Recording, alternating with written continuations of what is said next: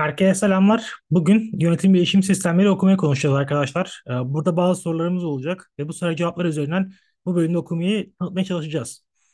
Şimdi öncelikle neden bu bölüm? Neden yönetim bilişim sistemleri bölümü? Arkadaşlar bugün baktığımız zaman teknolojinin geliştiği noktada, geldiği noktada artık mesleklerden daha önemlisi bazı yetenek setlerine sahip olmak.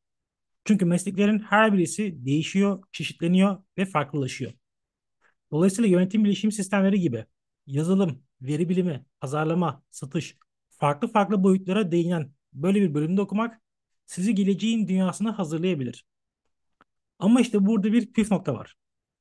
Eğer bu bölümü okuyacaksanız, okumayı düşünüyorsanız ve başarılı olmak istiyorsanız aynı şekilde kendisini sürekli güncelleyen, sürekli yeni şeyleri merak eden, biraz tutkulu birisi olmanız lazım.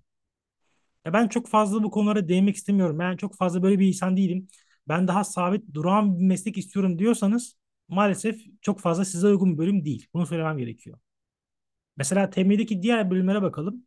Hukuk, psikoloji, PDR, uluslararası ticaret. Buralarda en azından size verilen bir uzmanlık var mezun olduğunuzda.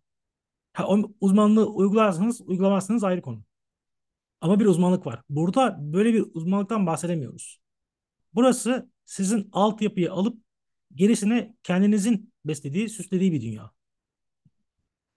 Peki neden bu üniversite? Şimdi baktığımız zaman bir kere en başta burada iki tane kriter ön plana çıkıyor. Birincisi adaylarımız, arkadaşlarımız İzmir'de okuyorlardır, yaşıyorlardır daha doğrusu. Ve İzmir'de kalmak için tercih edebilirler. Ve veya İzmir dışındaki arkadaşlar da aynı şekilde İzmir'de olmak, böyle bir üniversite deneyimi almak için puanları da oraya tutuyordur. Bunun için tercih edebilirler. Bence ikisi için hakikaten tercih edilebilir, kabul edilebilir bir e, tercih olacaktır. Çünkü İzmir'de okumak güzel bir deneyim. E, bunun akabinde iş imkanlarına erişim açısından da İzmir'in pek çok imkanı var, pek çok artısı var. Dolayısıyla bu imkanları beraberine getirerek bir bence kariyer süreci inşa edebilirsiniz. Peki üniversitenin artıları ve eksileri neler?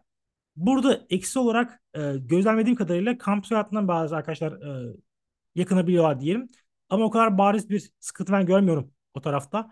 Yani çok kabul edilecek, edilemeyecek seviyede değil. Öyle söyleyebilirim.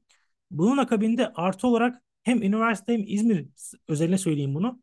Şimdi İzmir'de yaşadığınız zaman oradaki firmalarla bir arada olmanız, o firmalardan iş imkanı elde etmeniz daha kolay. Ha burada İstanbul biraz daha avantajlı. Gerçek olmak gerekirse.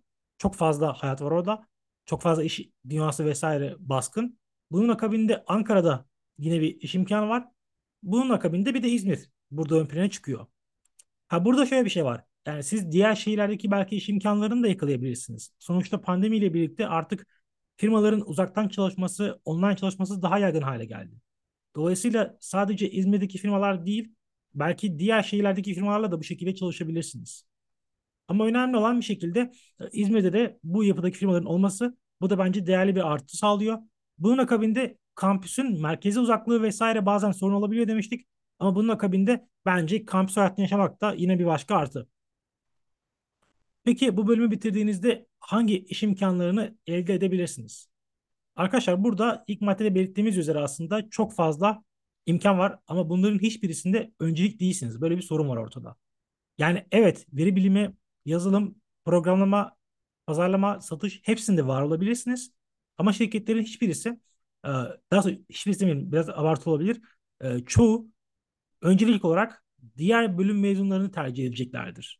Mesela veri bilimiyle ilgili bir işte matematik mühendisi ya da işte bir istatistik mezunu sizin önünüze geçebilir.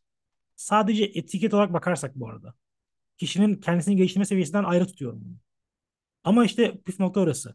Eğer siz kendinizi belli bir alanda odaklayıp orada bir kimlik inşa ederseniz, bir kariyer inşa ederseniz işte o zaman yönetim bilişim sistemleri sizi hemen her alanda ön plana çıkartabilir. Mesela bu uluslararası ticarette bir engel. Yani uluslararası ticaret okuyan birisi yarın bir gün bir veri bilimci olmak istediğinde o bölüm biraz ön yargı besleyebilir karşı tarafa, İK'cıya.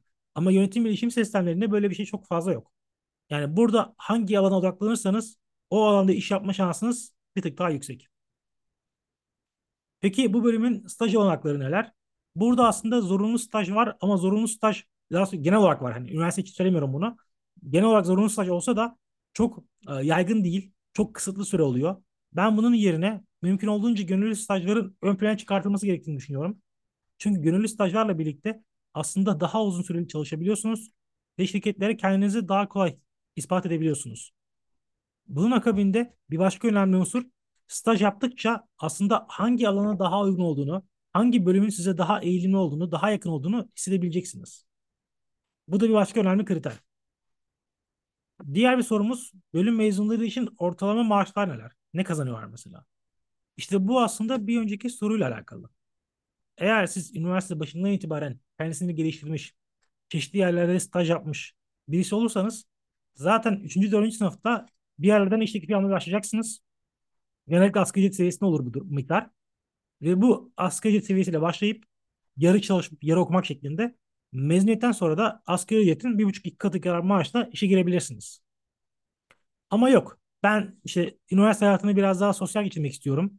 Ee, kendi geliştirme olayını biraz daha mezuniyet sonrasında bırakmak istiyorum diyorsanız ki olabilir, e, düşüncedir diyelim. İşte o zaman maalesef asgari ücret seviyesine başlıyorsunuz. Çünkü mezun olduğunuzda elinizde bilginizi ispatlayan bir şey olmuyor.